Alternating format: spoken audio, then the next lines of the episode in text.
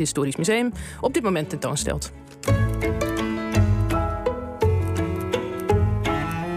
De column van John Jansen van Galen. Als de beloften ditmaal wel worden ingelost, krijgen we over ruim een week de bordesscène.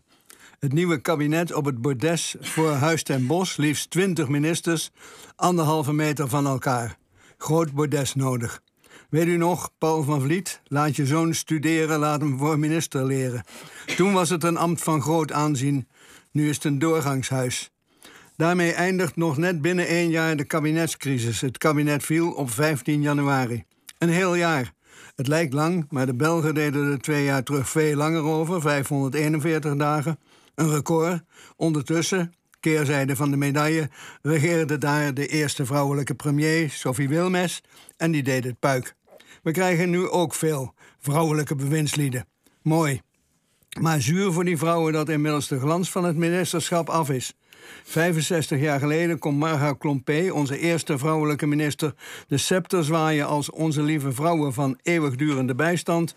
Tegenwoordig ben je hooguit een held van de terugtocht. Veel mensen zijn bij voorbaat boos over het nieuwe kabinet, omdat de Partij van de Arbeid en GroenLinks er niet in zitten. Dus eerst hebben we met z'n allen die partijen twee fikse nederlagen bezorgd. En nu klagen we dat ze niet in de regering zitten. Maar inderdaad, het CDA verloor ook veel zetels en verloor na de verkiezingen nog meer aanhang. En dat zit wel in de regering. Het zijn de paradoxen van de democratie. Loopt de, de parlementaire democratie op haar laatste benen?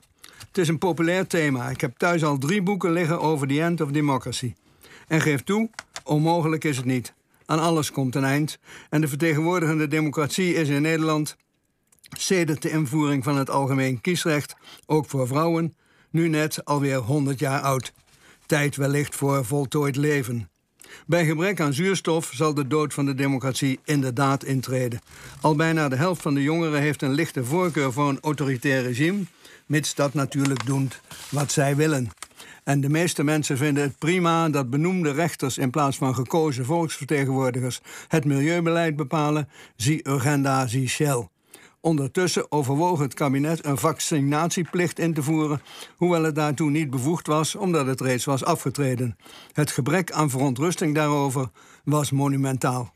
Dus ja, als het ons zo weinig kan schelen, moet de representatieve democratie misschien wijken voor iets anders. Maar voor wat en hoe? We wilden immers iets te zeggen hebben over hoe we geregeerd worden. Maar de kinderopvangtoeslagaffaire, wat een woord trouwens, leerde ons dat we er nu bitter weinig over te zeggen hebben. Is er een alternatief? David van Rijbroek kwam op de proppen met burgerraden waarvan de leden bij loting worden aangewezen. Mooi idee, maar wie maakt dan uit hoeveel die te zeggen krijgen? In Frankrijk liep het op een deceptie uit. Moet er dan een revolutie komen?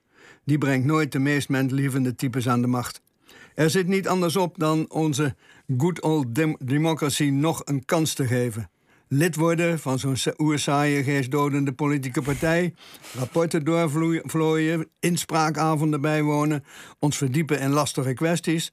Het raamwerk van de vertegenwoordigende democratie staat nog overeind. Laten we het opkalevateren. Gooi geen oude schoenen weg, eh, enzovoort. Ja, John, eh, dankjewel. Je dacht, je dacht, het is nieuwjaar, ik begin is lekker vrolijk. Ja, ja, goed, uh, ja, goed perspectief. Ja, heel fijn. Nou, we, gaan kijken of het werkt.